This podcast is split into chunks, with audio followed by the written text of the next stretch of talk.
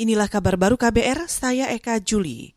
Saudara Jaringan Pendidikan Pemilih untuk Rakyat atau JPPR menilai berkurangnya tingkat partisipasi masyarakat dalam pilkada serentak tahun ini bakal berpengaruh terhadap kualitas penyelenggaraan pesta demokrasi.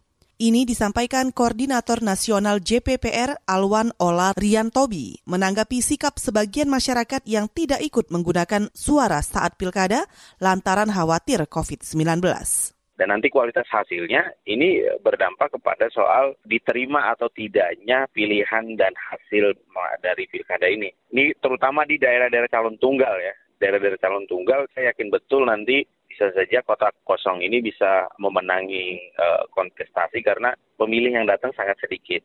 Nah, ini kan berdampak pada soal kualitas hasil tadi itu. Koordinator Nasional Jaringan Pendidikan Pemilih untuk Rakyat atau JPPR Alwan Ola Riantobi memperkirakan jumlah partisipasi pemilih pada pilkada tahun ini tak bakal sampai ke angka 80 persen. Menurutnya, partisipasi pilkada tahun ini paling tinggi di kisaran 70 persen.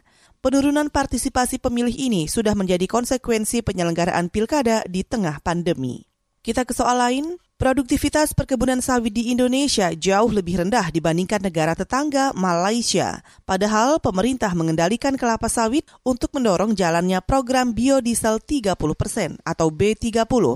Karena itu, Direktur Jenderal Perubahan Iklim di Kementerian Lingkungan Hidup dan Kehutanan, Ruanda Agung Sugardiman menyatakan, program biodiesel akan ditingkatkan menjadi 40 persen pada tahun depan. Banyak sekali upaya-upaya produktivitas sehingga kita bisa meningkatkan produktivitas uh, kelapa sawit kita. Kalau boleh dibandingkan dengan negara tetangga kita, kita masih separuhnya atau sepertiga dari produktivitas dari Malaysia ya. Oleh karena itu kita ini harus kita kejar untuk menuju produktivitas yang lebih tinggi sehingga kita tidak perlu lagi membuka lahan-lahan yang masih bagus apalagi hutan primer Direktur Jenderal Perubahan Iklim di Kementerian Lingkungan Hidup dan Kehutanan Ruanda Agung Sugardiman juga mengatakan, pemerintah telah mendorong korporasi untuk meningkatkan produktivitas kelapa sawit. Hal itu bisa dilakukan dengan skema penggantian bibit hingga proses pasca pengelolaan yang baik. Selain itu, pemerintah juga mengklaim menghentikan pemberian izin baru. Kita ke berita olahraga.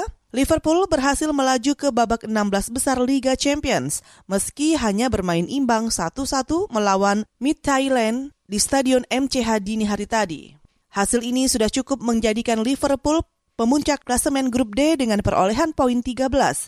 Atalanta menjadi tim yang menemani Liverpool lolos lolos ke babak 16 besar setelah menang 0-1 melawan Ajax Amsterdam dan finish di posisi 2 klasemen grup. Dua tim di grup D yakni Mid Thailand dan Ayak gagal lolos. Keduanya terdegradasi ke Liga Eropa.